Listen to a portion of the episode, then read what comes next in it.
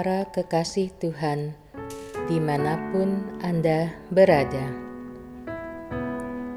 Kita berjumpa lagi dalam Kencan dengan Tuhan, edisi hari Selasa, 18 Agustus 2020. Dalam Kencan kita kali ini, kita akan merenungkan ayat dari Injil Markus bab 3 ayat 20. Kemudian Yesus masuk ke sebuah rumah. Maka datanglah orang banyak berkerumun pula, sehingga makan pun mereka tidak dapat. Suatu hari, Pak Dodi memasukkan aqua gelas dan teh kotak ke dalam kulkas. Pak Dodi mengeluarkan gelas berisi teh manis, dan kemudian gelas itu ia taruh di atas kulkas. Kira-kira dua jam kemudian, saat Pak Dodi hendak mengambil sesuatu di kulkas. Ia lihat ada begitu banyak semut dari bawah kulkas naik melalui sela-sela pintu kulkas dan akhirnya sampai di atas kulkas mengelilingi gelas berisi teh manis tadi. Dalam hati, Pak Dodi berpikir, betapa hebatnya teh manis ini. Walau tidak punya suara untuk memanggil semut-semut, tapi semut-semut itu bisa menemukannya dengan cepat.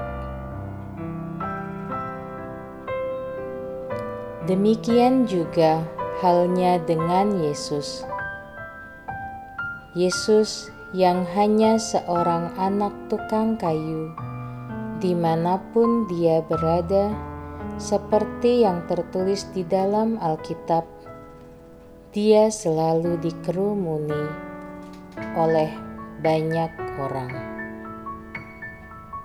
Cinta Yesus begitu memikat hati banyak orang, sehingga mereka rela berjalan begitu jauh hanya untuk bertemu dengan Yesus. Lalu, bagaimana dengan kita yang mengatakan sebagai pengikut Yesus? Apakah cinta Yesus yang sudah kita terima mampu juga memikat banyak orang? Untuk datang kepada kita, sehingga membuat mereka memperoleh suatu kelegaan, kelepasan, atau kesembuhan karena tutur kata, senyum, nasihat, atau doa-doa kita, atau justru sebaliknya banyak orang menjauh dari kita karena merasa tidak nyaman dengan kehadiran kita.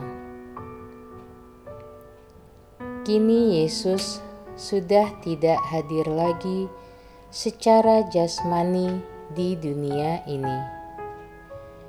Dia membutuhkan kita untuk melanjutkan menebar cinta kasihnya mintalah kepada Yesus agar diri kita pun dipenuhi oleh kasihnya, sehingga kehadiran kita senantiasa memikat hati dan dirindukan oleh pasangan hidup kita, anak-anak kita, orang tua kita, teman, dan sahabat kita serta orang-orang di sekitar kita.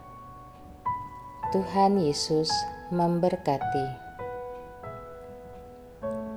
Marilah berdoa. Tuhan Yesus, pakailah seluruh keberadaanku agar melalui kehadiranku banyak orang mengalami sukacita dan damai sejahtera, sehingga namamu semakin dimuliakan dan kerajaanmu semakin meluas di dunia ini. Amin.